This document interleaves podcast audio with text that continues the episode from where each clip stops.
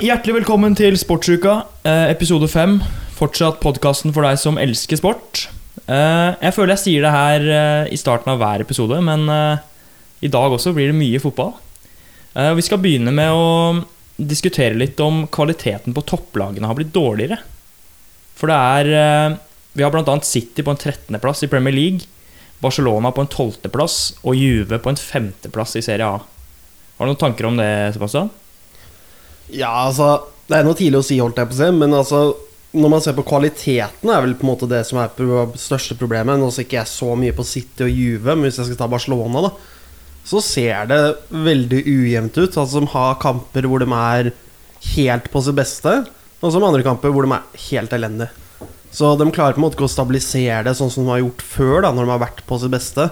Og det vil jeg altså tro gjelder for Juventus og City òg. Jeg vet ikke om noen av dere har sett mer av det? Eh, jeg har sett eh, de fleste City-matchene, egentlig. Og jeg vet ikke, jeg syns du Nå så jeg ikke ekstremt mye Bayern når Pep var der. Eh, jeg så alt han gjorde i Europa og store, storoppgjørene. Men det er jo en kjenning at etter et visst antall år så Går begynner, ja, så begynner folk å bli litt eh, gal av den mannen som er veldig intens i, i coachinga si og, og hvordan han bygger lag. Så det er mulig at det er det vi ser igjen, da. At, eh, for det er jo det, Stallen er jo fortsatt vanvittig bra, liksom. Men det jeg føler som jeg tror også mange glemmer, er det at Husk det var ikke noe, i hvert fall ikke for laga som kom langt i CL og ELA. Altså det var ikke noe sesongoppkjøring som det vanligvis. Så jeg skjønner på en måte at det tar jo tid å bygge seg opp igjen, for alle måtte ha en slags ferie. Og da å komme rett tilbake mot mange av lagene som da fikk full sesongoppkjøring allerede nesten, nesten fra juni måned. Som, altså det, det tar, altså som, som Solskjær så tidlig. Det kommer til å ta fem-seks kamper. Og det har du sett på mange av storlagene. Mange sleit i starten, selvfølgelig fordi de er omtrent uten trening. Da. Så jeg tror det også er mye av grunnen. For jeg tror man for fort blind på tallet. For at storlaga, de, de fleste har fremdeles alle de gode spillerne som var der i fjor. Og det er jo ikke at de har glemt å spille fotball. Alle er ikke Sanchez, liksom.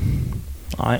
Og så er det som Sebastian sier, det er fortsatt tidlig, så Ja da. det er jo ikke noe vits å svartmale det for noen av de laga.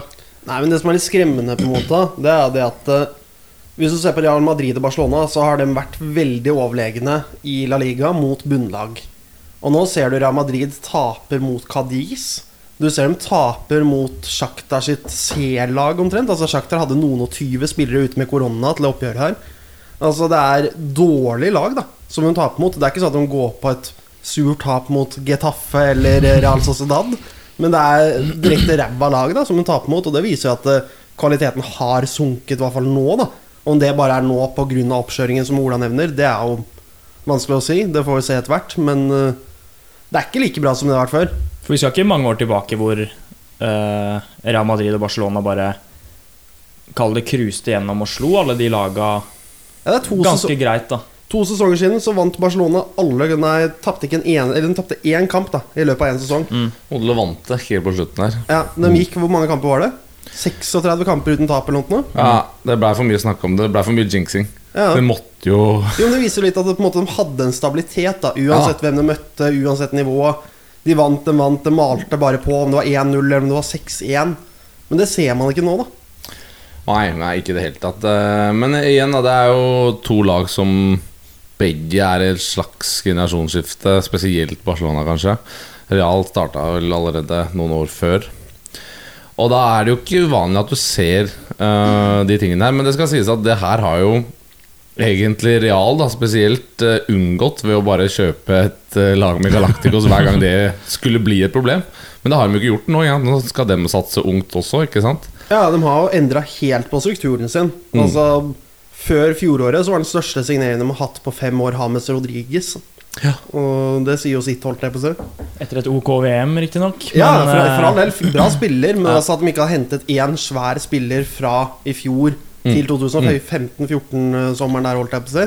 Det er jo ikke Real Madrid vanlig, hvis man kan si det sånn. da Ikke i det hele tatt. Og, og Barcelona, men Barcelona har ikke gjort det, men har i de siste årene eh, prøvd å egentlig ta den ruta. Og ja, Vi skulle feila plutselig bli helt, totalt. ja, Vi skulle plutselig bli helt Galacticos. Ikke sant? Men Real prøvde seg når de henta Hazard Ja. Eh, men han har jo ikke slått til ennå.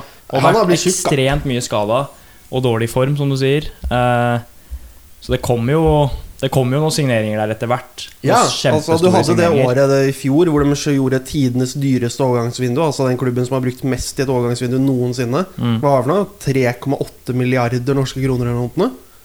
Så de har henta ting nå, men uh, funker jo ikke akkurat sånn kjempebra. De vant Champions League tre ganger på rad før det igjen. Så spørsmålet er Burde de kanskje holdt seg til den andre modellen de prøvde i et par år? Mm. Men da, tilbake til, eh, til City. Da. De har jo Det er lenge siden du har sett eh, Etter fem kamper så har de null i målforskjell. Uh, åtte mål skåret, åtte mål sluppet inn. To tap og én uavgjort. Nei, eh, ett tap og to, to uavgjort. Og laget som har sluppet inn flest i Premier League i år, hvem er det? Vet vi det? Nei. Det er Liverpool. Ja, det skulle gjette. Så Ja, ikke sant? det er jo litt eh, Eller litt. Det er veldig unormal Skal man si start på sesongene i de forskjellige ligaene. Mm. Og det er to lag fra samme by topper Premier League òg. Ja, det er litt gøy, da. Everton og Ja, det er kjempegøy, men eh, det er jo unormalt, som vi har snakka om før òg. Absolutt. Det er jo ja. Det hadde jo vært litt kult hvis Liverpool kunne tatt over Altså Nå er jeg helt nøytral her, for jeg driter jo egentlig både Liverpool og Manchester. Holdt jeg på seg. Men det er litt gøy hvis Liverpool som by klarer å ta over den rollen som Manchester har hatt i mange år nå. At det ikke er City United, men at det nå heller blir Liverpool-Everton. Det, det syns jeg synes hadde vært litt gøy, da. det, det skjer ikke, da. Det skal vel litt til, men uh, Jo, selvfølgelig. Jeg sier ikke at jeg tror det kommer til å skje, men jeg sier det hadde vært gøy. Plutselig så blir det spytta inn masse penger i Everton, sånn som det ble med City tilbake i Ja, Hvis han der eh, sjeiken sitter til klubben sin, så er det jo dem tilbake til uh, å rykke ned igjen. Men, uh, fordi klubben kanskje går dunker, for de må selge alle spillene sine. Men uh, altså, det er den eneste sjansen for at Everton skal for kunne bli det tredje store laget. da. Ja. Vi skal over og se på forrige uke, for det skjedde jo mye forrige uke også.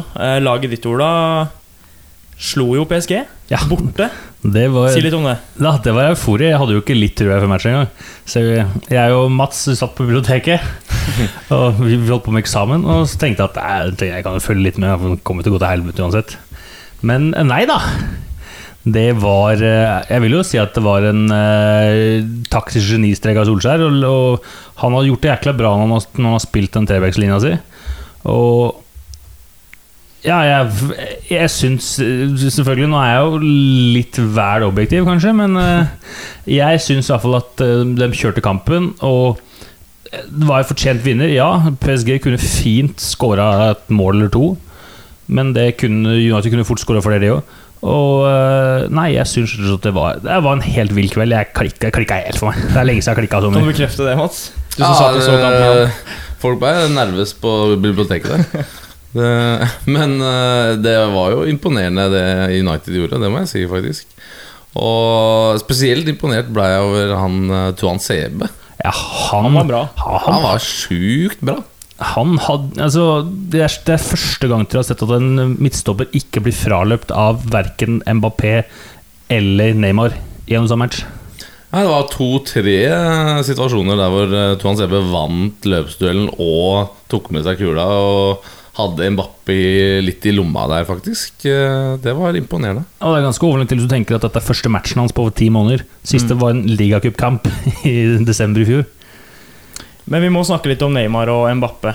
Eh, For sånn sett utenfra så ser det ut som PSG baserer seg på å spille ballen til Neymar og Mbappe, og så kan de løse det egentlig litt som de vil. Ja, det ser jo sånn ut. For jeg synes jo sånn, Spesielt laget de stilte mot United. Ja, greit, de hadde noen spillere ute, men allikevel, jeg syns at laget utenom front 3 med, ja, med Neymar, eh, Mbappé og Di Maria, syns jeg ja, det, var, det lukta ikke noe Champions League-gull av, av eh, de bakre rekker, i hvert fall. Nei. Så det virker jo som du sier, at de baserer alt på at eh, spill ballen til de gutta, så skal de bare ordne resten. Den var jo i Champions League-finalen nå. Det, Sist. det var de. Men jeg syns på en måte at eh, Nei, eh, jeg, jeg syns ikke det laget imponerer i det hele tatt. Og det tror jeg er pga. den type turnering det ble, hvor det ble litt sånn komprimert. Hvor altså, Neymar og Mbappé kan selvfølgelig ha tre gode matcher på rad. Men det er jo derfor også de aldri når helt opp ellers. Fordi de klarer ikke over to oppgjør fra åttendels og ut. Det, det er for lite kollektiv. For I sommer så hadde de fordelen at ligaen var avlyst, så på en måte de hadde jo bare De hadde jo ett mål, og det var å De kjørte en ny sesongoppkjøring ikke sant? bare for Inter Champions League. Ja. Og hadde ikke noe liga, ingenting. Men Neymar, Neymar spiller jo nesten ikke ligakamper uansett, så han, han velger selv hva han spiller. Han drar til Brasil, spiller landskamper, og så ja, er det en eh, Monaco, ja, Marseille kanskje. Ja. Jeg lurer på hvordan det er å være PSG-trener, og om han faktisk har noe å si på Neymar, da, eller om Neymar bare ja, Du skal ikke se bort ifra at han der eh, sportsdirektøren har sagt at Neymar, du har free pass, og Tukkel, du kan bare Du hører på meg. Ja, Tu- Tukkel Tuschel, han tror jeg eh, Han tror jeg er mest interessert i å beholde den jobben. Eh, Som sikkert gir eh, masse hyggelige kroner inn på konti. Ja, Så går det jo litt på ligaen de spiller i òg, da. Altså, Ligue Bunnen i ligø, eller midten av tabellen og nedover, den er svak. Det tror jeg vi alle kan være enige om. Og hvorfor skal man slite ut han mot disse møkkalagene når de har så mye cup og Champions League ved siden av? Hvorfor ikke bare la han være fornøyd, da? Altså, De vinner jo ligaen hvert år uansett. Det er ikke noe problem å på en måte Ok, men da får du ferie der, da. Dra og kos deg på en strand og ta med dama di og søstera di og game litt? Ja, det Ja, og altså, han vet jo han òg at eh, hvis han gjør noe som helst for å irritere den mannen bitte lite grann, så blir jo det over alle aviser, eh, forsidestoff, og lager bare mer trøbbel for han selv. Men jeg blir irritert når jeg ser det. For jeg tenker Hvis du tar det tilbake til arbeidslivet, da, litt sånn som hvis du er lege, da, så kommer det en kar Nei, han har bare leggbrudd. Nei, gidder jeg ikke. Her tar jeg ferie, for nå er det ikke noe Nå er det ikke noe kraftige rygg Noe, noe som har knekt nakken eller noe. Her, dette er kjedelig. Dette gidder jeg ikke. Ja. Jeg føler det blir litt samme greia. Du får betalt allikevel. Og ja, gidder reise på jobb, da. Altså, du er husker jo godt det er forskjell på leger og så, fotballspillere. Jo da. Du husker jo Jeg vet ikke om du husker når Neymar var i Santos før han kom til, eh, til Barca. Eh, jo. Husker. Jeg YouTube, YouTube vet at den var der. Og så kommer selvfølgelig det jeg skal si, da. um, når eh, de eh, visste ikke om de kunne beholde han eller ikke, så, for han eh, ville jo ha mer lønn, ellers han stik, stikker han. Da sparka de rett og slett hele kvinnelaget og bare la det ned i Santos for å gi han ny kontrakt. Og samme når han ene treneren husker jeg ikke ville la Neymar ta straffe lenger. Fikk fort fyken eh, uka etter. Det er jo så kvalmt, da. Det blir jo Så den mannen eh, bringer med seg makt. Vi skal videre fra PSG United til eh, kanskje den store favoritten i årets Champions League, Bayern München. Slår Atletico 4-0. Det var plankekjøring. Høvla over. Ja. Høvla over Atletico. Um, ja, de ser jo ut som den store favoritten. Ja, altså for I mine øyne så er de jo verdens beste lag, for jeg syns ikke de har noen svake lagdeler. Suárez nå, er det 12-2 han ligger mot Bayern dette året, eller? altså, Hvis du ser på når han har spilt for Barcelona og Atletico Madrid, han må hate Bayern München. Ja, altså, de, eh, de er jo helt uh, totaldominerende i Men det virker som de er veldig påskrudd i liksom de viktige matcha. Men uh, i runde to i Bundesliga tapte de 4-1 for Hoffenheim, altså. Så det er jo litt sånn uh, Ja, Men jeg tror det laget vet det at eh, Ja. Vi kan ta det litt rolig nå i starten, og så vinner vi jo alt fra halvveis og utover uansett. Og så vinner vi pokalen der, og så har vi lyst til å vinne Champions League. Så satser vi litt mer på disse vanskelige kampene som er nå i gruppespillet, som Atletico. For Atletico er et bra lag, det må vi huske. Og Ja. du ser at Mm. de pisser på Atletico. Så Altså, det er Det er ganske sterkt å score skåre fire på Atletico. veldig sjelden de Ja, det slipper er inn Uansett om du heter Bayern München eller Ja, altså det er veldig sterkt. Det er kanskje verdens best strukturerte forsvar. Ja. Altså De har ikke de beste spillerne lenger, for de har jo enten blitt gamle eller godt, holdt jeg på å si. De har Men jo Ja.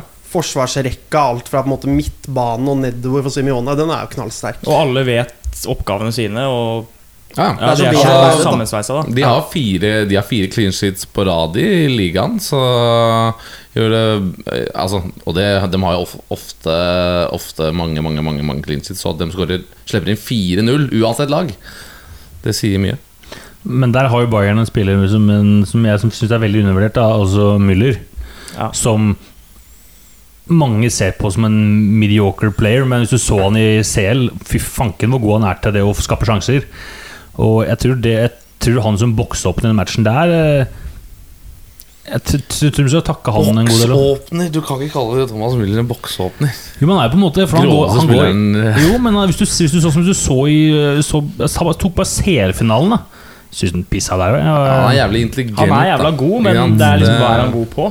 Ja, Ja, det er det Thomas Müller er er en sånn spiller som er dritgod. Men hvis du ser på han, så er det sånn Ja. Ikke er han rask, ikke er han sterk, ikke er han noe spesielt teknisk. Han skyter ikke noen sånne eksepsjonelle skudd.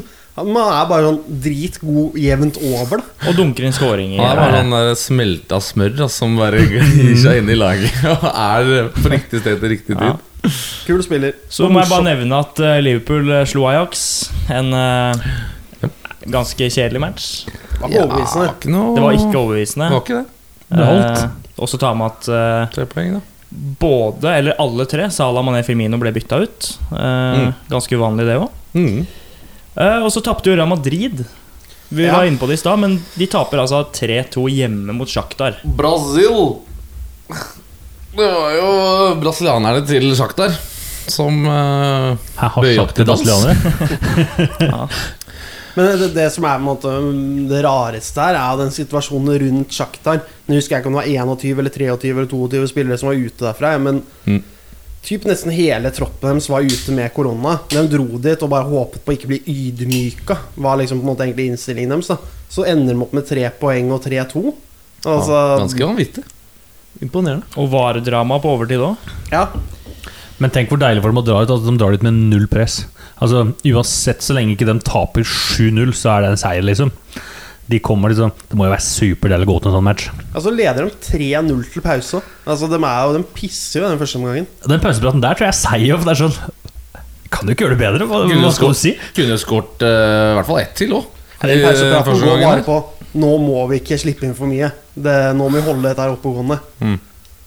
Det er imponerende av Shakhtar da og ræva Real Madrid. Ja, det, men det kan ikke Men- holde på sånn. Nå ser man jo en ting som er helt sjukt for Real Madrid. Hvor mange kamper er det? Jeg tror det er sånn 14-15 kamper på rad uten Ramos, hvor de har tapt. Altså det, Ja, ja. Hver gang Ramos er ute, så taper de uansett hvem de møter. Til og med da Shakhtar Donetsk C, hvis man kan kalle det det. Mm. Altså, Det er jo ingen ledertyper da bak der når han ikke er der. og det er jo fælt å si det, men han begynner å bli gammel. Men han var der på.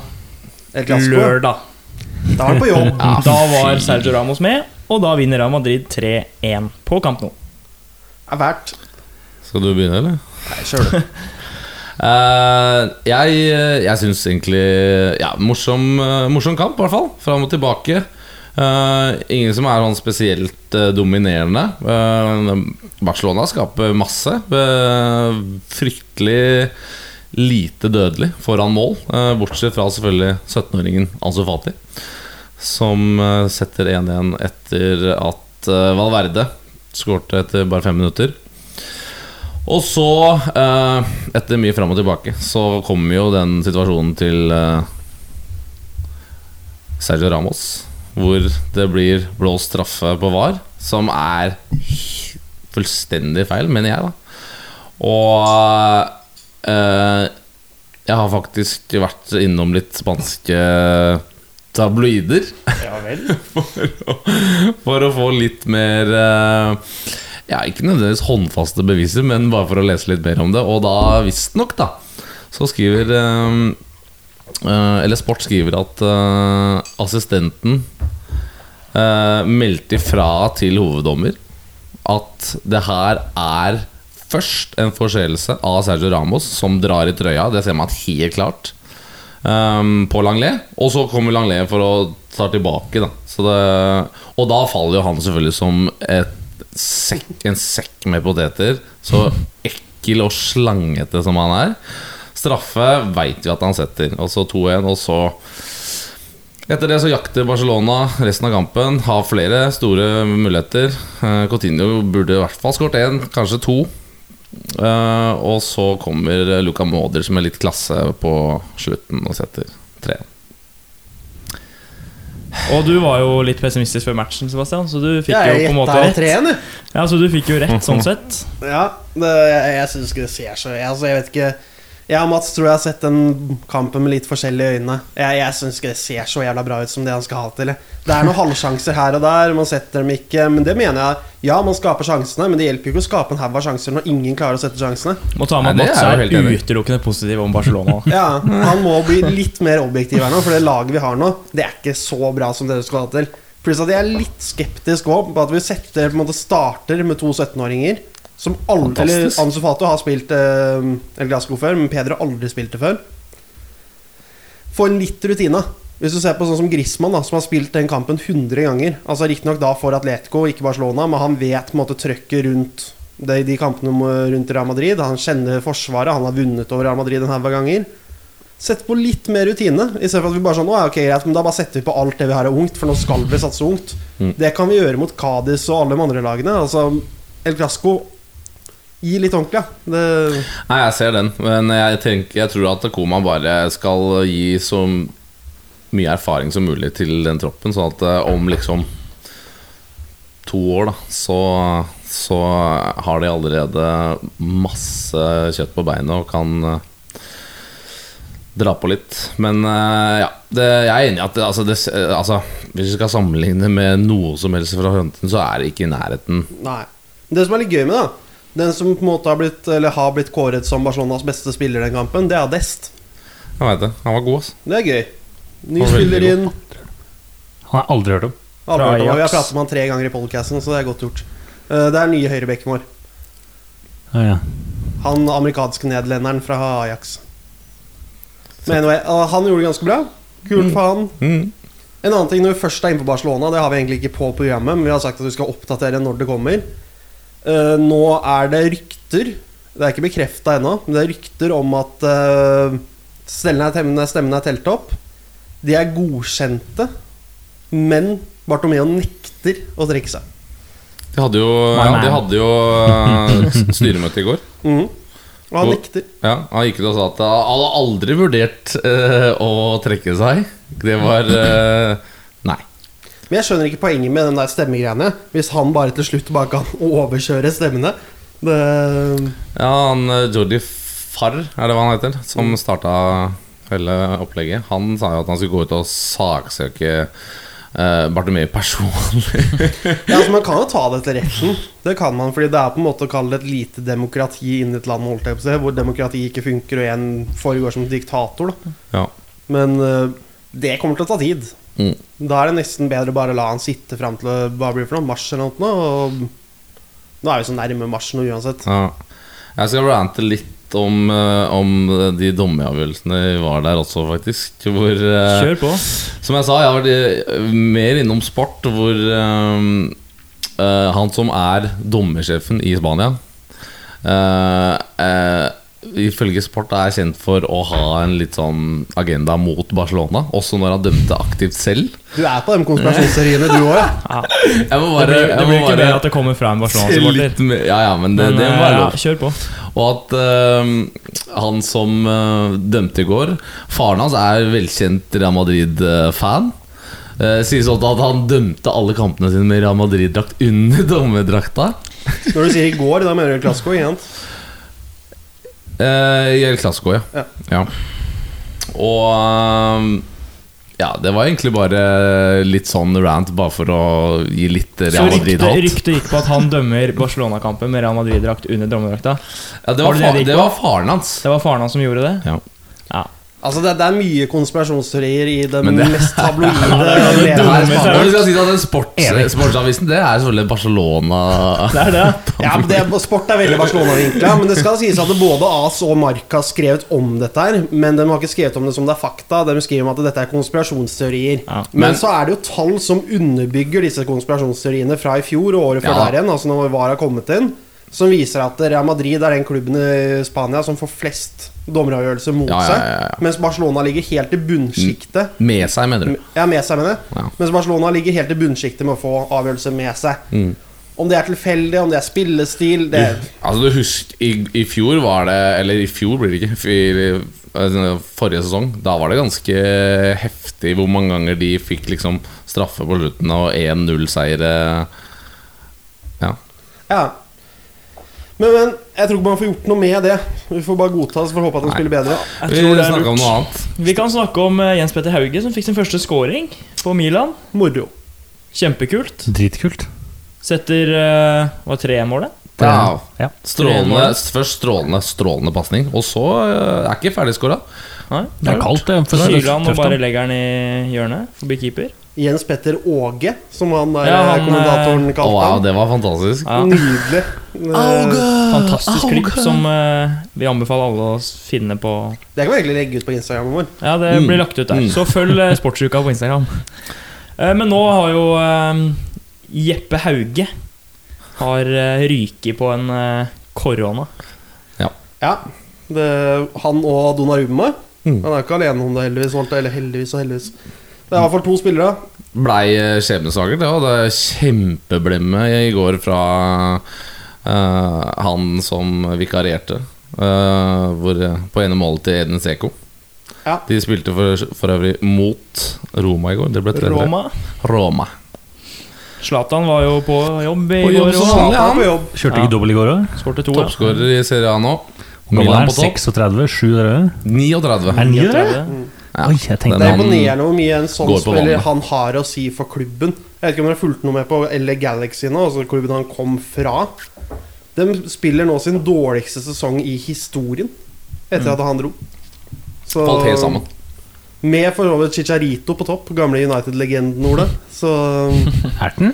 Lille Hadde, ja. var det ikke ditt Higuain gikk, eller var det Nei, et han gikk annen, Inter Miami. en annen klubb? Inter Ja. Miami. ja, stemmer. Beckham sitt Beckham lag. sitt lag. Kult lag, for så vidt. Ja, det er vel ikke si mer å si om eh, Jeppe Hauge. Nei, det var egentlig fotballen forrige uke. Eh, vi skal over til UFC. UFC, ja. For vi fikk litt eh, Eller jeg har fått litt tyn fra noen folk om at vi må snakke litt om UFC. ja. Der, der er jeg svak, så vær så god. Det er ikke sånn altfor mye å si, annet enn at eh, Khabib og Justin Getche gikk kamp nå i helgen. Khabib vant. Selvfølgelig, holdt jeg på å si. Han taper jo aldri. Er det han McGregor kasta stol på i bussen hans? Eller er det? Riktig. Det var ikke en stol, det var en sånn tralle. Men ja, Riktig kar, ja. Han som banka McGregor etterpå. Men eh, Og Khabib er jo nå regnet som den beste fighteren i sin vektklasse. Har alle beltene. Og la opp på direkten i oktagonen. Da sa han etter han var ferdig, så sa han Han hadde jo lovt faren sin og moren sin Altså Faren døde jo dette året her, faren til Khabib. Og da hadde han lovt moren sin etter at faren døde, at uh, nå skal jeg gå én siste kamp, og det er det siste, og den skal jeg hedre til pappa. Så han hedra hele matchen til faren sin. Og så la han opp på direkten og sa at det er siste gang han skulle gå fight. holdt jeg på å si Så satte han seg ned og begynte å grine i ringen. Og da ble det egentlig ganske sånn hyggelig øyeblikk noe. Hvor da Justin Getche, som akkurat har fått juling av Khabib, går bort og holder rundt han og sier 'du har gjort faren din stolt'. Og så var det sånn rørende greie. Og til og med McGregor, som hater Khabib, gikk ut på Twitter og sa 'du har gjort faren din stolt, vær stolt over karrieren din'. Vi ses en gang, eller et eller annet. Så Fint, da. Men er han sånn type som har gått sånn 21-0 og sånn, eller? han er vel på hva er det for noe? 39-0 nå, tror jeg. Oi. Wow. Eller er det 29-0? Det er 29 eller Da 39-0. skjønner jeg at du legger opp. Ja, altså han ja, det er jo helt vilt. Men dette er jo da UFC, og så har han jo da en enda større record fra uprofesjonell MMA før der igjen, hvor han også er ubeseiret. Så um, Kan du, kan du si litt om MMA? Altså Jeg, som Ola også, følger ikke kjempemye med, men Altså, MMA ble jo startet for å se hvilken kampsport som var den beste. Så i starten, når det ikke var noen ordentlige regler på dette, her så var det karate kids holdt jeg på å si, mot sumobrytere. Altså Det kunne være vektforskjell på 150 kg mellom utøverne. Eh, Det kunne være brytere mot boksere. Så det var egentlig bare å putte to gærninger inn i ringen og la dem slåss. Og se hvem er best, da. Nå har det blitt mye mer raffinert og på en måte ordentlig opplegg på dette. her da Det fins jo 14 vektklasser eller noe. 10-14, et eller annet. Mange, Mange vektklasser i hvert fall. Og innenfor der så driver de fleste med jiu-jitsu og boksing, eller muay thai. Ja, for har alle to liksom sånn Har liksom alle to øvelser som er gode, liksom? Ja, men det er som oftest en, Enten så er du god på grappling, altså på bakken, bryting, for å si det veldig enkelt på norsk. Eller så er du god på boksing, altså kickboksing, stående fight. Eh, Khabib er verdens beste grappler, uansett eh, vektklasse, vil jeg påstå. Altså Det finnes jo klipp av han var fem år gammel hvor han brøyt med bjørner oppe i Sibir. uh, og da snakker ikke voksne bjørner, selvfølgelig. Dette er babybjørner, men uansett. Han begynte i tidlig alder, da. Han er fra Sibir, ja. Ok, da Han er vel fra hvor han er fra? Et eller annet sånt Tsjetsjenia eller et eller annet. Det er um, ja, det gjør det ikke bedre. Nei, et eller annet nede i gamle Sovjetunionen, da. Ja. Og um, han er ganske gæren. Han er god kompis med Putin. Så um, første som skjedde når han banka McGregor, det var at Putin ringte han og sa 'Du har gjort Russland stolt. Jeg er glad i deg, sønnen min'. Så um, Men hvordan er det? Altså, er alt lov? For det virker Nei. jo sånn når man ser eh, highlights og kamper, så det ser ut som du kan gjøre Du får ikke alt du vil.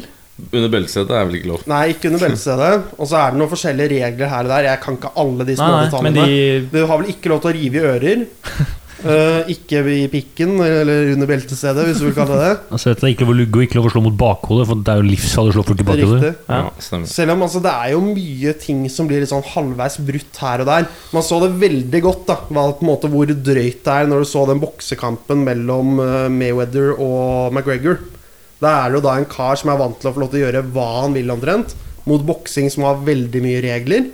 Og du så McGregor brøyt jo regler hele tida. Altså Det var slag mot siden, slag mot bakhuet. Altså Det var helt apekatt, da hvis man kan kalle det.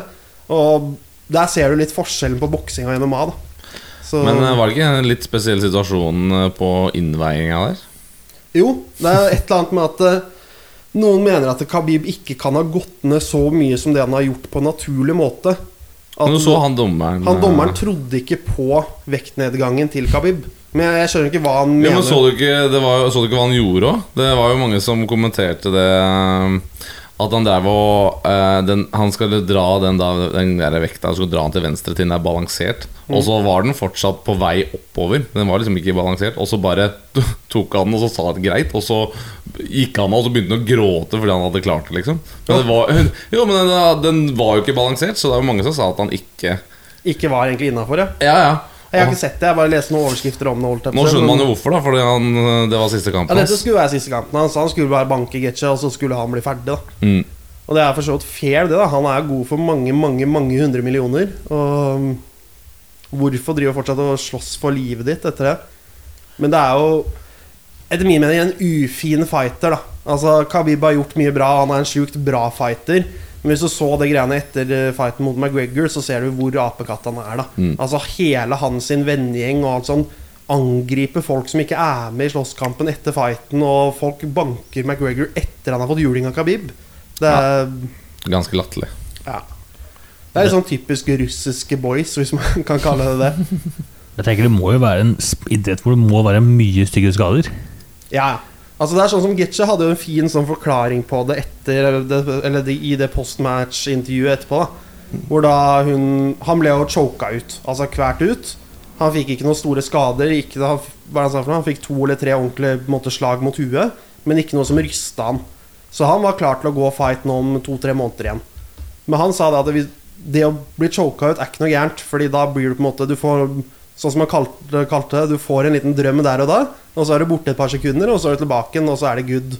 Men derimot, når du blir choka ut, nei, knockout, så er det ille, da. For altså, da får du en hodeskade hver gang, og da er du ute lenge.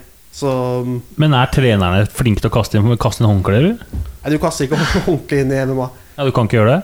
Du kan ikke kaste inn som trener, bare stopp kampen? Nei, da tapper du ut som utøver.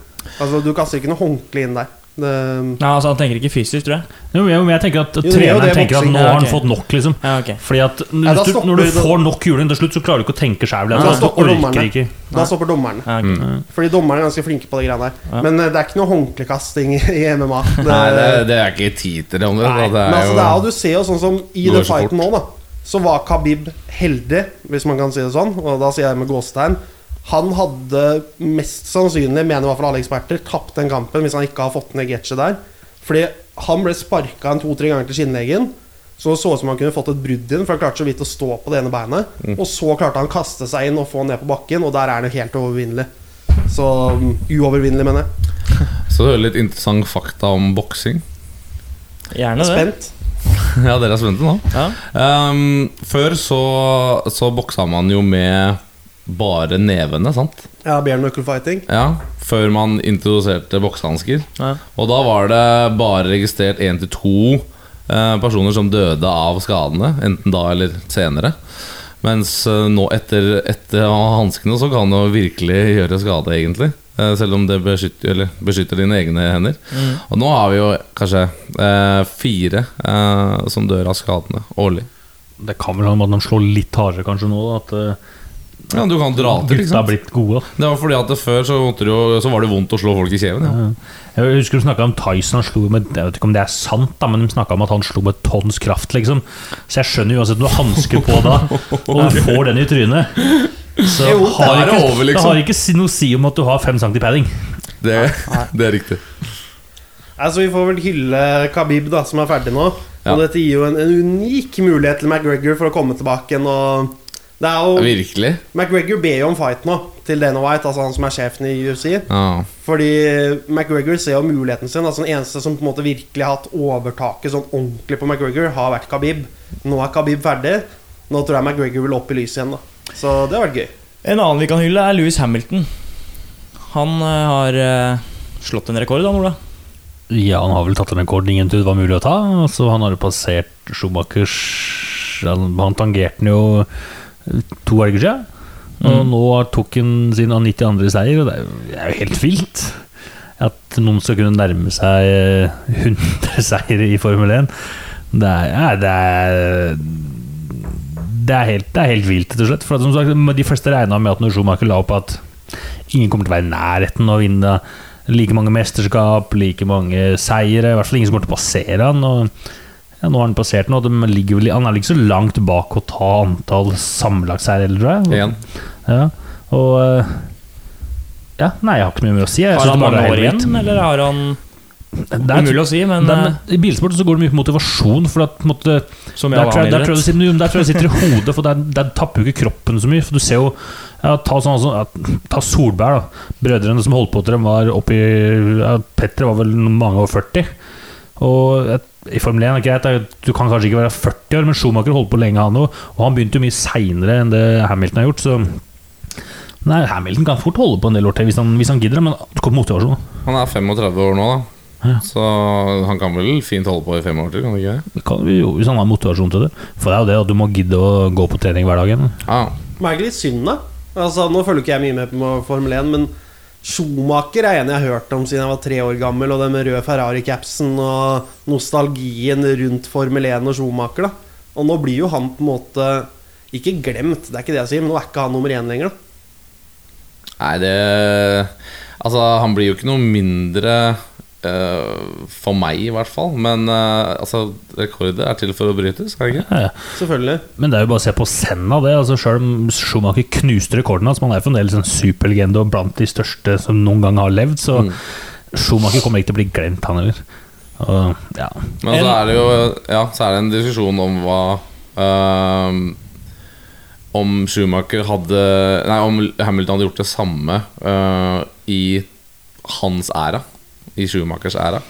Fordi bilene er jo bedre nå, på en måte. ja, altså, det går ikke an Men å det, sammenligne. det er en helt annen diskusjon. Mm. Ja, det trenger vi ikke ta nå. Ja, Du tok en eh, overgang fra meg der, Mats. Men uh, en annen som eh, heller ikke kommer til å bli glemt, er Tiger Woods. Han uh, spilte, eller møtte opp til golfturnering nå på torsdag. Uh, som vi også nevnte i forrige episode, så spiller han jo svært få turneringer. Så man vet jo aldri hvilken Tiger man får se. Men vi skal komme litt tilbake til det når vi går gjennom tippelappen etterpå. Men ble vel eh, Hadde vel fire eller fem stykker bak seg på eh, resultatlista av Tiger, så Jeg klarte han cutten i det hele tatt? det var ikke cut denne uka Ja. her. Eh, Så sånn sett var han jo på en måte heldig, men Nei, han så helt Det Men- så shake ut. Men dere som kan språket, altså Slår han kortere? Slår han for skeivt? Eller hva? Han slår kortere. Han slår kortere enn de beste gutta. Jo, men liksom i forhold til når han er i form Sånn det er jo ikke så mange Er det ikke i fjor han gjorde det ganske bra? Jo. Og liksom bare da slår han veldig mye kortere enn han gjorde da. Slår han mye mindre på fairway enn han gjorde da. Putter han dårligere, putter han kortere. Liksom Ser dere på ham at han er, an- at han er annerledes, liksom? Eller er det bare La den flaks i fjor? Han går på 72.-plass av 80 eller noe sånt. Jo, for jeg skjønner dette er golf er en detaljsport, men jeg er jo ikke, skjønner jo ikke nok om det. Altså, Altså, en sport som handler om uh, så mange små marginer, så kan du ikke spille uh, to turneringer i året. Det er jo derfor, det er derfor at nå regner med at nå skal han begynne å bare spille turneringer fram til Masters. Masters. Hvor det eneste han bryr seg om nå, er majors. Kommer om eh, majors. to og en halv uke. Ja. Uh, og der vant han jo i fjor, så han er jo regjerende Så han skal jo forsvare noe der. Men som du, eller tilbake til spørsmålet ditt. Han, ja, han slår kortere enn de aller beste. I form også. Uh, men det går litt på liksom, utviklinga. Nå har jo de gutta som slår lengst, har vel Nå har Bryson DeChambeau klart å slå en drive på 400 yards carry, altså 400 yards i lufta, før den detter ned, på en måte. Det er så langt, det. Ja, det er helt, Det er 300, 360 meter cirka i, ja. i luftlinje. Så um, Det er noe fotball Det er, det er, det er, tre, det er tre fotballbaner, det. Ja. Det er spinnvilt. Og så hadde vi også med Viktor Hovland, som uh, lenge var med og Kanskje ikke kjempe om seieren, men han var oppi der. mm. Igjen. Men igjen så er det jo putteren hans, da. Og nærspillet. Iskald, den. Den er iskald, som det heter på golfspråket. Uh, Men hvor, mye der må han trene før han liksom kan begynne å slåss med gutta? Er det, liksom, er det gjort på en sommer, liksom? Eller er det der noe du må trene på i tre år til? jeg tror det går på at han må trene jevnlig på det. Eh, men eh, det er jo det å ikke ta seg tida. Men eh, når du spiller en turnering, så er det jo typisk at du drar til turneringa kanskje på tirsdag, eh, spiller innspillsrunde onsdag, og så spiller du jo fire runder torsdag, fredag, lørdag, søndag. Og sånn går jo ukene, da, hvis du spiller ofte. Så jeg tror det har litt med at du må rett og slett sette av tid til det. Det er jo, de, det er jo det er veldig forskjellig hvordan folk tenker eh, når det kommer til det. Altså de fleste, eller ikke de fleste, mange bruker mye tid på, på jernspill. Eh, og så må du se da hvor mye skal du prioritere. Skal du eh, øke prosent på hvor, off, hvor mye putting du driver med? Og da bør du jo få igjen for det. Hvis ikke, så har du tapt noe ved at du ikke har trent uh, jern, driver. Uh, så ja, det handler om prioriteringer, og så handler det om å få avkastning på det etterpå. Nei, for Jeg må jo si etter at Hovland begynte å være med, og dere begynte å mase litt på Amos into golf Jeg, har jo sett, begynt å, jeg, har, jeg, har, jeg ser jo sjarmen i det. Ja, Og jeg har jo begynt å Jeg må innrømme at jeg har Nemlig. sittet noen netter og ja da har vi gjort fulgt med litt. Ja. Og jeg syns jo det er, det er en fascinerende sport. Ja. Ja, Så om to og en halv uke så begynner Masters, så da anbefaler jeg alle å følge med, for det er eh, noe eget. Eh, det var eh, forrige uke. Mm, vi skal over eh, på debatt. Vår, eh, om ikke faste spalte, så er det i hvert fall en spalte vi har Hatt noen ganger, hatt noen ganger. På søndag så tok Vålerenga imot Kristiansund på Intility Arena. Eh, og der havner Flamer Kastrati på Kristiansund i Hva skal man si? Ord, Ordkrig med Dag Eil Fagermo på sida der. Mm. eh, Og presterer og sier vel noe sånt som at uh, Hold kjeft og sett deg ned, din jævla soper. Um, Ja, det er ikke heldig. har jo selvfølgelig vært masse i media uh, rundt det. Uh, og når, når man ser det, så blir man litt sånn Er vi virkelig der at folk skal Spesielt etter de greiene vi har hatt nå i det siste med rasisme og sånne ting, at folk bare kan hive ut noe sånt, er jo for meg helt sykt. Altså, han gjør det med mot rasisme på armen. Mm. Han gjør det ikke bare Eh. én gang, han gjør det vel på banen òg, samme, samme opplegget. Så Ja, det er altså, ikke noe du lirer av deg én gang, han gjør det to ganger. Med en gang så kan vi jo ta opp eh, det derre Når du først uh, har gjort sagt det, og du veit med Når det ikke er publikum på stadion, så hører alle hva du sier. Uh, og i kampen tete eller ikke, det er ikke greit. Og så kom, presterer du faktisk å si etterpå at Å, jeg beklager, men jeg visste ikke hva soper betydde. Det må være kødd. Ja, så har han jo et par muligheter til å på en måte kunne gjøre opp for seg, eller ikke gjøre opp for seg, men på en måte rette opp feilen litt. da Først ved intervjuet i pausen, hvor han da blir konfrontert med Stemmer det at du sa kalte han en jævla soper? Og da svarer han med Ja, jeg kalte han en jævla soper, og nå skal ikke du provosere meg, til journalisten. Altså Akkurat som om det er et provoserende spørsmål. Og da svarer journalisten med Nei, det skal jeg ikke gjøre, men er det greit å si? Ja? Du hørte hva jeg sa, nå skal jeg fokusere på andre omgang. Er, Og så går han da i spillertunnelen ut i andre omgang, hvor da Fagermo kommer bort til han og sier Du, at du kaller meg en jævla soper, syns ikke jeg er greit. Vi bruker ikke sånne ord. Og da sa han Ja, hva kalte du meg, da? Hold kjeft, da. Det er liksom Og så Han virker jo- avslutter han med 'pass på hva du sier' nå. Ja, pass på hva du sier nå. Akkurat Til som han Fagermo. Han virker jo fryktelig uintelligent. eh, I hvert fall jeg er veldig uintelligent ut, eh, uttalelser han kommer med. Det er Ja, helt voldsomt sikkert. temperament. Altså, Ja, det har han alltid hatt. Ja, ja, og det er på en måte Altså, det er sånn til en viss grad greit på fotballbanen. Du kan være ja, sånne men, men, men, men du kan ikke si eh, Du kan ikke bruke de ordene. Du, Jo, men det, det er fint med temperament på banen, Ja. men når du går av den gressmatta, så skal du være litt ordentlig òg, da.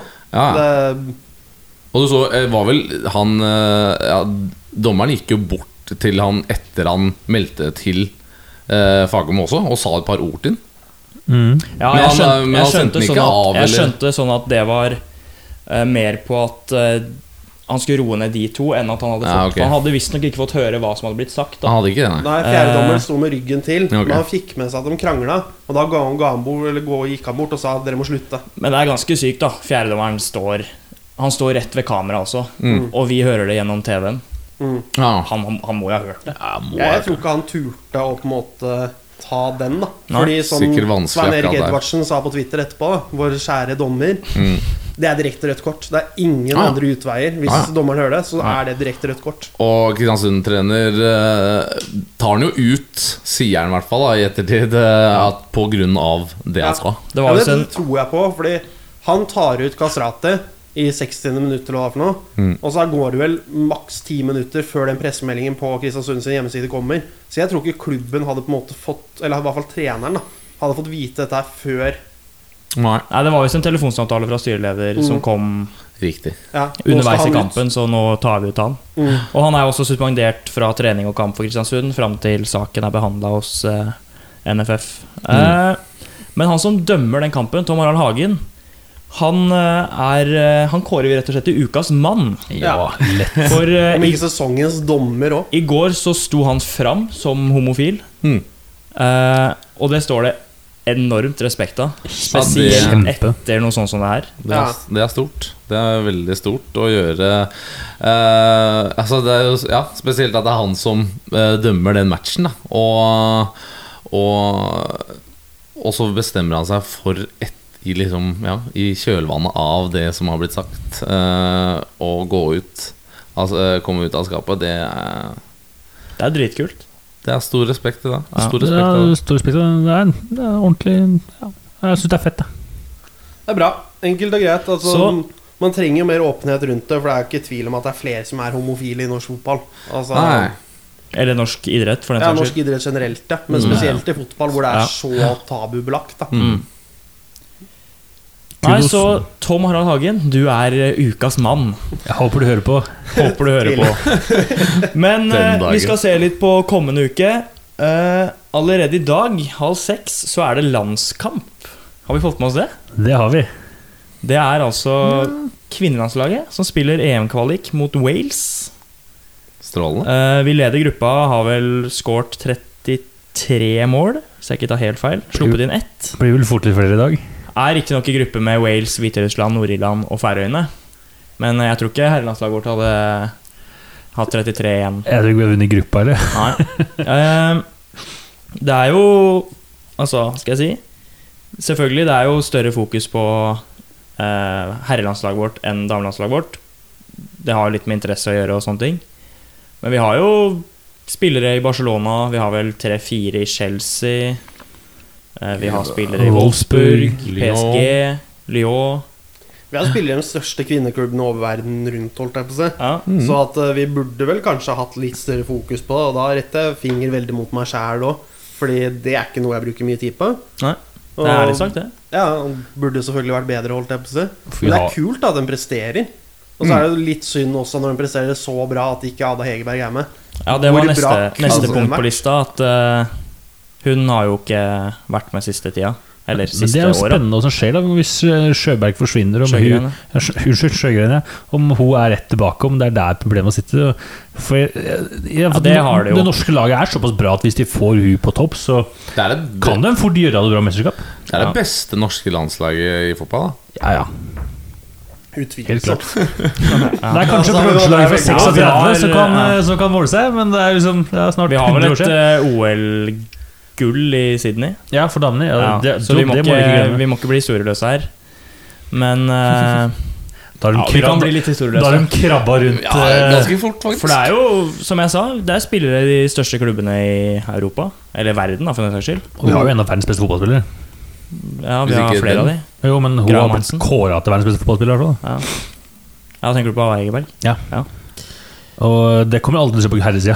Altså, hun skårte hat Nei, det skal du ikke si. Nei, det skal du ikke si Brauten, sikkert. Brauten kan vinne Ballon d'Or. Ja, det, det, er Ja, faktisk det hadde vært jævla gøy. Så Det er jeg, sant. jeg håper jeg kan spise mine ord. Så Det si at det aldri kommer til å skje, skje da tror jeg du spiser dine egne ord. Jeg håper Altså, det. Håper det. Du skal ikke eh, glemme at uh, Hegerberg skårte hat trick i én omgang i Champions League-finalen. Ja, ja, det er helt For sjukt. to år siden, eller? Og hvor har hun spilt i toppserien? Blant annet. Kolbotn. Kolbotn, ja. Må få med det. Represent. Eh, det var nok om uh, kvinnelandslaget. Uh, United tar imot Leipzig på onsdag. Det er Champions League. Ja. En eh, norsk duell, kan vi si det sånn. ja, det er jo, det er jo nordmann med på begge sider på banen, så det er jo en slags norsk duell. Hva tror du? Nei, altså Jeg håper jo at uh, United er på hjemmebane. Jeg håper at man tar den kampen. Fordi hvis man da gjør jobben som man skal mot uh, laget fra Istanbul, så er man jo på en måte nesten allerede kvalifisert før disse to siste kampene. Så jeg håper jo Jeg er jo, jeg har satser på seier. Må jo det. Laget deres, Mats og Sebastian, tar imot eh, Eller Juve tar imot laget deres på det er også på onsdag. Ja, det er litt synd, da. Nå er Ronaldo ute med korona. Ja. Jeg hadde gledet meg til å se Messi Veldig. Ronaldo i Champions League. Det har aldri skjedd før. Nei. Så fått den duellen hadde vært gøy. Jo, de har møttes i Champions League før. Ikke gruppespill. Nei, det, det, det kan nok stemme. Så det, det syns jeg har vært gøy. Riktignok, nå får vi en annen sånn hjemkomst, eller hva, det blir ikke hjemkomst heller, men Arthur møter sine gamle lagkamerater. Det er random, altså. Nei, det syns jeg er gøy. Litt gøy er det. Eh, Håper han gjør det dårlig. Okay. Blir det en kul kamp, det? Ja, vi gjør Eller det. er du pessimistisk igjen? Eh, nei, men det er to lag som ikke er i form, som møtes, da. Mye Ja. mål, da. Gøy blir det uansett. Ja. Eh, En annen kamp som går på onsdag, som jeg skal se, Det er det er Ranheim mot Stjørdals Blink. Et uh, ordentlig lokalderby i Obos-ligaen. Det er så random at du trekker fram det. nei, men altså det er viktig, det er viktig. Er jo eh, etter uh, Juve Jeg skal jo si at jeg så jo ikke El klassiko for jeg satt og så på Obos-ligaen direkte i studio. Uh, ja. Og det er jo Det er så bra underholdning at Det eh, er så sjukt at du gjør det. Jo, men Jeg er enig med at det- Obos-ligaen er gøy. Jeg har ikke sagt det ennå, men jeg jobber jo for KFM i Obos-ligaen, og jobber med Obos-ligaen. Ja. Men altså, så fort den Koffa-kampen var ferdig mot Åsane, så satt ikke jeg satt og så på studio etterpå. Da var det over på El Casco. Ja, jo om det. Men uh, Nei. Obos-liga er uh, Jeg syns det er litt kult, fordi du har på en måte en Du er på en måte tilknytta på en helt annen måte. da For du, du kjenner noen av spillerne. Du, du veit kanskje mer om Hva skal jeg si? Ja, om spillerne, da. Og om Ja lagene. Ja, du det får en helt annen inside. Da. Sånn som Hvis du så på den Deadline Days Jeg vet ikke om vi tok opp det sist gang nå, men eh, tok den der Deadline Day-sendingen til Eurosport rundt Obos-ligaen og Eliteserien. Det er jo helt annen kvalitet da enn det du får fra Premier League. Ja. Altså Premier League så får du noen kjedelige oppdateringer av en av Sky Sport-dude som står utenfor stadion og ikke har fått beskjed om noe. Her sitter de og prater med trenerne som driver og løper rundt og forteller lættis historier. Og det er Det er bra. veldig mye mer morsomt sånn sett. da Det er, eh, de, eh, de jobber hardt i den eh, produksjonen. Det skal de ha. Veldig flinke. Vi slår et uh, slag, er det man sier? Ja. Slaget. Slår et slag for uh, Obos-ligaen. Ja. Men hva Da tror du. Altså Du kan ikke bare si at du skal se kampen uten å uh, Ha noen skal jeg komme med litt tips her? Ja. Uh, Ranheim vinner eh, 2-1. Mm, Mats, Regin? Mats Reginiussen skårer ett. Erik Tønne skårer ett. Det er da for Ranheim. Og så reduserer eh, Mats Lillebo til 2-1 eh, sånn rundt 80 minutter. Du spiller safe, med andre ord. Ja, Ganske safe, men eh, Stjørdalsblink er i form. De slo Tromsø nå på Ja, 4-2. hvor ble det? søndag, var det vel? Ja. ja. Navnbrødrene der, altså. Skal opp Navnebror Mats score. skal opp og score. Deilig. Eh, også på søndag kommer det en litt eh, mindre viktig match. Da er det United mot Arsenal. Ja.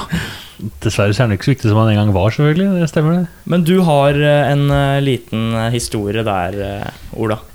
Ja, det har jeg. Det er jo på en måte at som vi, vi som er født før 2000-tallet, vi husker jo rivaliseringa liksom ja, på slutten av 90-tallet, tidlig 2000-tallet, når, når, ja, når det egentlig bare var to store lag i Premier League som måtte slåss om ligatittelen, altså United og Arsenal. Det var jo på en måte Det var Wenger mot Ferguson. Det var kapteinen Vieira mot Keane i løpet av eh, Skal vi se I løpet av fem år der Altså mellom februar 90, Nei, unnskyld, mellom åtte år mellom februar 97 og februar 05 så blir det delt ut sju røde kort i disse kampene. Eh, eh, og noen av de har jo fått Noen av kampene har blitt, så, blitt ja, to kamper, begge på Old Trafford. Den ene har blitt kalt som Battle of Old Trafford, den andre har fått det fine navnet Battle of the Buffet. Altså, eller kjent sånn som pizzakampen. og nei, Det som var da, var jo det at tilbake på Battle of Old Trafford, det var jo i september 03. Da ble Vieira utvist, som han ble flere ganger. Opp av disse, Han fikk sitt andre gule kort. Og øh, en kamp som faktisk endte 0-0, så det er ikke veldig spennende. Men øh, ja, da mente jo Arsenal-spillerne etter kampen at øh, at Van Nistelrooy hadde filma seg til et uh, Kasta seg, så Vieira ble huset på nytt. I den kampen så endte det med at seks Arsenal-spillere og Arsenal som klubb fikk bøter etter kampen, i tillegg til to United-spillere, mm. fordi de begynte å slåss etter kamp.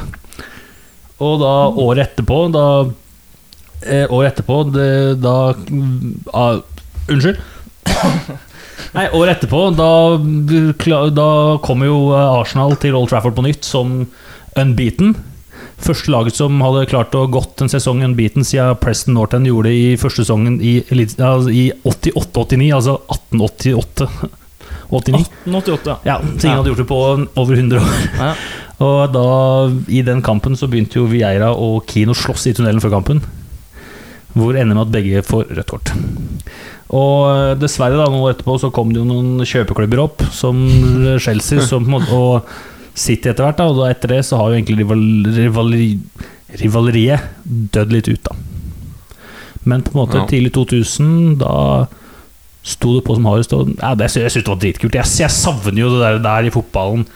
Altså To kapteiner som hater hverandre, to managere som egentlig var uvenner i over ti år.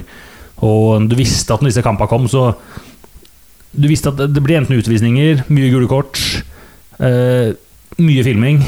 Du visste at her blir det action. da mm. Og det savner jeg. Det, savner jeg har blitt litt borte. Fordi alle borte. spillere har jo De kjenner jo hverandre, de toppklubbene. Altså. Jo, men altså, det er jo Jeg tenker uh, Først så tenker jeg at uh, det er jo så mange utenlandske spillere i, i Premier League nå. Og det er jo på grunn av at uh, det er den mest populære ligaen. Det er der det er mest penger. Det er lett for de å få tak i spillere uansett om du er bunnlag eller topplag.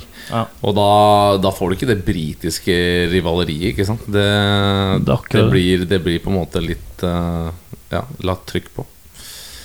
Nei, jeg, sagt, jeg savner det veldig, og jeg skulle ønske at noe sånt kom på nytt. da Altså To lag som bokstavelig talt hater hverandre, og spillere som hater hverandre. Og spillerne som gledet seg til de kampene, hvor de visste at ja, her blir det fyr og flamme, og ja, supporterne elska det. Og hele uka var liksom ødelagt etterpå ja, ja. hvis du tapte, mm. Altså, Bruno Fernange er vel uh, blitt ny kaptein, eller?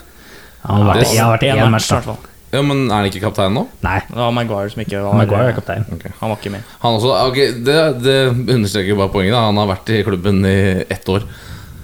Ja. Så det, det, blir, det, blir, ikke Det er ikke Erik Cantona som går utpå der liksom og skal Det sant sette støvelen i første mann han ser.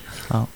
Nei, det er noe Så Jeg husker tilbake også Det er jo ikke forstått ikke United, da, men ta tilbake til Wimbledon. Når de hadde disse gærningene som Winnie Jones og sånn, som mm. har vel rekorden på rødt kort etter under fem sekunder fra mm. kampen er blåst i gang. Ja. Så jeg savner jo det der i egen fotball. Så Gutta ja. som brant opp støvla til Drillo? Ja, ja, ja altså, tok helt av. Men der vil jeg komme med en liten anbefaling, for NRK hadde Jeg lurer på om det var i fjor, så hadde de en sånn eh, sending som gikk over eh, åh, Hvor mange timer var det?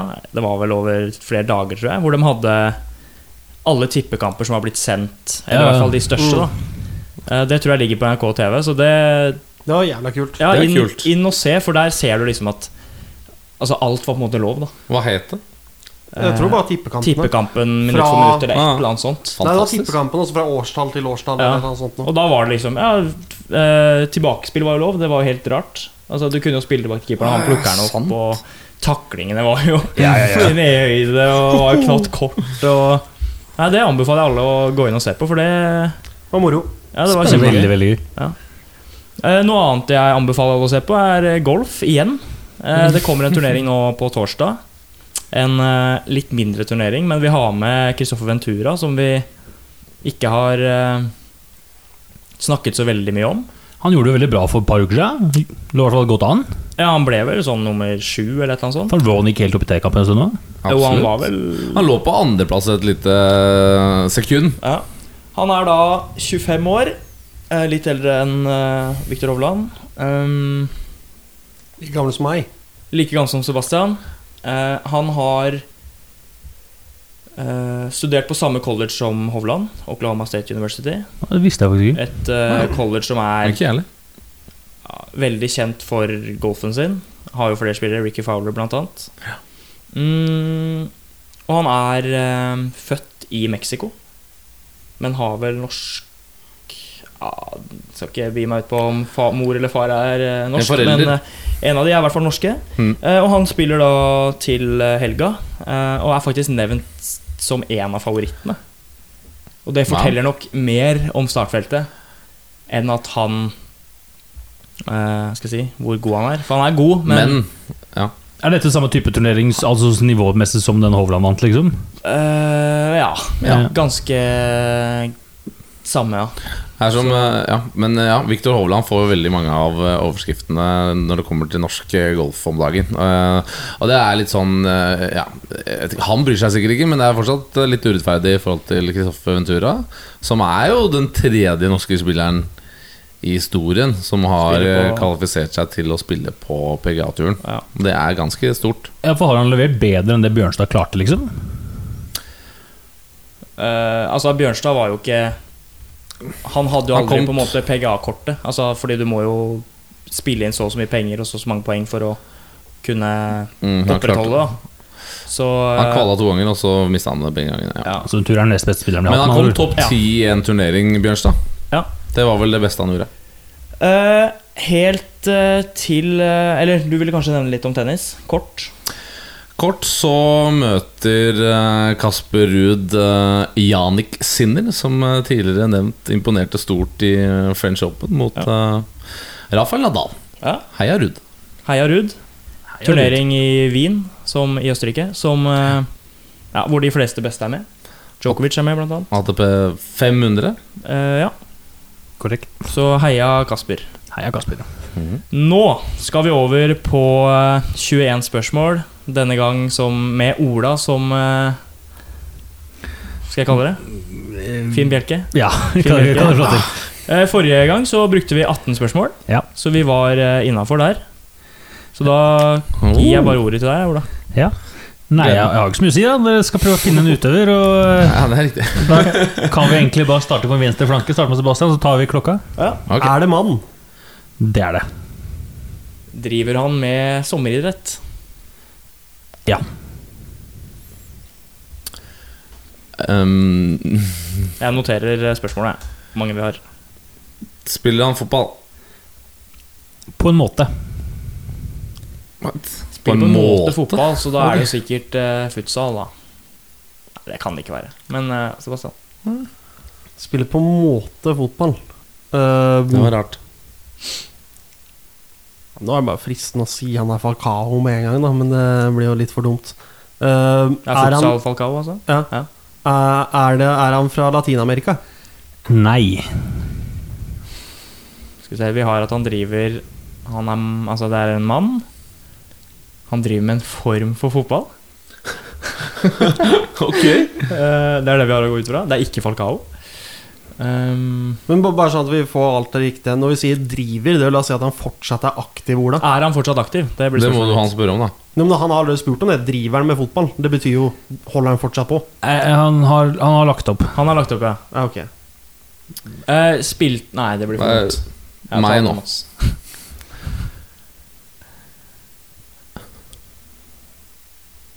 Dette er bra podkast. Mm, det er jo helt Jeg skjønner ikke Jeg blir helt satt ut av at han på en måte driver med fotball.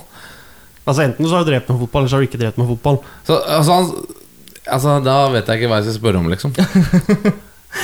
uh, ja, vi kan jo ta det, da. Hva er det vi har som en Ok, Jeg kan hoppe over Mats, så kan du gå videre på meg. Ja. ja. Har han drevet med to idretter? Det kan hende. Man er ikke kjent for det i så fall. Si bare nei, da. Jeg sa nei, da. Du vet at du skal finne en idrettsutøver, ikke sant? Og Helt da på en måte drevet med fotball. Ehm, Dere er på seks spørsmål, forresten. ja. Nei, vi er jo Jeg holdt på å si vi er inne på jeg det. er skjønner ingenting. Uh, skal vi se, han var ikke søramerikaner? Eller var han det? Han er ikke fra Latin-Amerika. Han var ikke fra Latin-Amerika. Uh, eh, kan vi be om et hint, eller blir det for dumt? Nei, bare, bare prøv. Vi vi skal klare dette. Jeg tror jeg er inne på noe. Eh, er han fra Europa? Nei. Ok, da er jeg ikke inne på noe. Spiller han beachfotball, eller hva det heter for noe? Nei. Bare sånn Det her er ikke et, altså det er et spørsmål, men ikke som Altså, vet vi hvem det er? Ja. Ok. Da får det være, være spørsmålet. Vi får gå gjennom da, hva slags varianter av fotball finnes det. Futsal, cageball Spør, da. Det kan ikke være en cageball-utøver. Nei, det Jeg kan ingen det. Da går jeg. Ja. ja, Er det en futsal-spiller? Nei. Da er dere på ni spørsmål. Han, Jeg, jeg blir faktisk Han har irritert gått- hvis det er en han har gått ordentlig langt for å nå. lure oss nå, skjønner jeg. Jo, men Han kommer som svadasvar, det er garantert en vanlig fotballspiller. Og så har han tatt en hens en gang. Har og han derfor er spilt i United? driver han halvveis på Nei. fotball.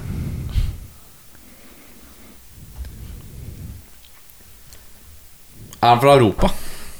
Nei. Det spurte jeg om, gjorde jeg ikke? Gjorde du det? Jeg tror det. Ok, nå, nå henger jeg med her. Eh, vi skal til Tom Brady, vi. Nei.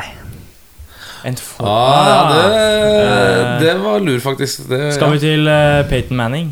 Helt riktig. Deilig. Deilig der. Har du noe kort om Peyton Manning? Annet enn at han er god i golf?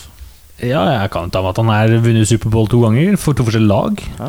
For både Indiapolis Colts og mitt kjære Denner Broncos. Mhm. Tilbake i 2015.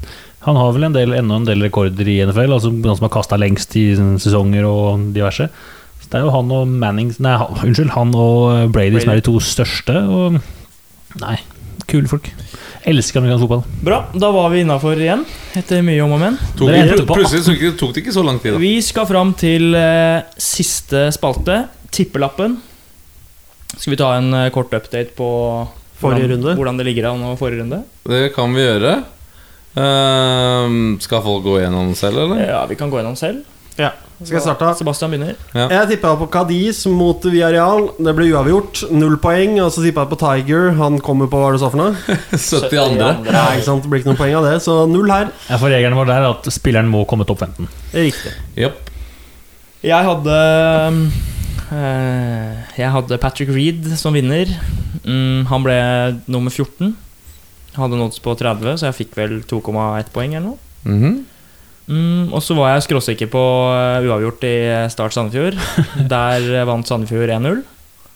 Så det ble med de to To poeng, Poengene. det er bedre enn det Mer jeg enn gjorde. Mer enn null. Og det, jeg hadde jo Dortmund borte mot uh, Lazio i CL. De fikk kjørt seg, så det ble en Lazio-seier. Null poeng. Og så hadde jeg Lindstrøm-scoring i VIF Lillehammer. De fikk også kjørt seg. Ble fort 4-0, tror jeg, eller noe sånt, til eh, Lillehammer. Eh, neste Vålerenga-match så skåret selvfølgelig Lindstrøm etter to minutter, så det er greit. Ja, deilig. Mm. Så null der òg. Null poeng. Jeg hadde Hovland, han kom ikke til 15, men jeg hadde United skulle ta PSG. Der banka jeg inn en lettodd på 5,85. Enkelt. Så nå vil jeg gjerne høre hvordan er stillinga? Kan starte nederst, da, så kan du jobbe deg oppover. Uh, skal vi se, da. Stian står med flotte Skal vi se 2, 4, 5, 70, 580. 5,80. 5,8 poeng. Ja, 5,8. Ola har etter um, det han presterte sist, 6, 11, 12, 13 Rundt 13-14 poeng. Har ikke eksakt på kommaen. Imponerende. Sebastian ligger på Du fikk åtte poeng på Henrik Kristoffersen, stemmer det? Nei. Du fikk åtte delt på andre Det var det som var oddsen, og så kom han på Nei. andreplass. Nei, han ble nummer fem. hvor mye poeng fikk du for Kristoffersen sist? Var ikke det odds på seks? Her på ber vi om oversikt, og så får vi ikke oversikt. Ja, det er litt uoversiktlig. Det du sa etter forrige, jeg har ikke oddsen lenger. Uh, ja, men men du, ligger på, du ligger på rundt ni poeng. Ja. Så Ola leder, og jeg har uh, fattige fem Poeng. Uh, Nei. Fire, fem, seks, 6,5. 6,5 Så Stian nederst? Så jeg er nederst, da. Stian er på Men mål. det er lenge igjen. Det er det. Vi har ikke satt noe Vi Vi har ikke satt noe dato, så eh, vi har heller ikke enn funnet så lenge så er noe, det vi uendelig. har heller ikke funnet noe taperpremie. Så Ola er langt fram i, i skoen. Men eh, har vi noe spill til eh, denne uka? Ja da. Skal jeg da. starte? Eh, nei. Nei. Ola begynner. Ja, eh, jeg har, eh, jeg har gjort det så enkelt at den, jeg har gått for ett lag denne uka her. Ja. Og jeg går for uavgjort mellom Leeds og, og Leicester. Mm. Har du en odds her? Eller? vil ha den? Jeg tror det var, Nei, jeg må ikke ha den, jeg tror den var eh, 360. Nei, Jeg har den her. 360 cirka. Eh, 360. Ja. Uh, Sebastian? Jepp. Uh, jeg har gått til kampen Istanbul Bashakshir mot PSG. Ja. Og Der skal Neymar skåre to mål eller mer. Og det er da til oddsen 5,50. Mm. Og så har jeg gått til amerikansk fotball, som jeg ikke har noe peiling på. Så dette her er bare bingo. Men eh, jeg tror San Francisco, nei, San Francisco 49ers slår Seattle Seahawks til 2,40. Den er hard. Ja, vår eh, amerikansk fotballekspert eh, melder at det er eh, tøft. Jeg har også bare ett spill, i likhet med Ola. Jeg har et lag, og det har jeg på pur faen. For jeg har Valencia hjemme mot Hetaffe. Jeg elsker det! Og eh, Bare til for å eh, lage kvalm. 3,20 i odds. Jeg så på den sjøl. Og den matchen, den skal jeg se. Sånn at dere ikke kan ta meg på at uh, jeg ikke har sett en Getafe. Men det Og for dere som ikke er- skjønner det her nå, så må dere høre forrige episode. Det, her, det er faktisk en veldig kul kamp, så, så det gleder jeg meg til. Og, og ja. Men bare for å underbygge vårt poeng forrige gang, da har du lyst til å si oddsen til Getafe, som er på bortebane mot Valencia? 1,40, var det ikke det? Eh, Nei, de var vel oppe på totallet, tror jeg. Wow. Ja, det sier mye om det Sier ikke- mest om Valencia, da. Jeg har det ikke foran meg nå, men jeg kan der. eh, finne fram. bortefavoritter på Getafe der. Altså, nå fikk jeg lyst til å bare gå for Getafe. Men du har valgt. Hva har du valgt, Mats? Uh, men jeg har altså ikke valgt det. Uh, jeg har gått for uh, Lionel Messi-scoring eh, mot Juventus. 2,50 eller noe sånt i odds. Eh, og eh, så har jeg tippa litt med, med hjertet. Og selv om jeg har rost Janik Sinner høyt opp, så går jeg for Kasper Ruud, som hadde en heftig odds ja, på 4,50 odds eller noe sånt. Mot, altså han er jo Han er halvparten av rangeringa til, til Sinner. Men eh, det sier jo mer om talentet til uh, På å vinne matchen eller vinne turneringa? Vinne den kampen mot Sinner, ja. Oi, Det er bra, det er bra Det er i morgen klokken 11. Deilig. Det var det vi hadde for i dag. Eh, Da runder vi rett og slett av. Ha det bra. Ha det. Snakkes.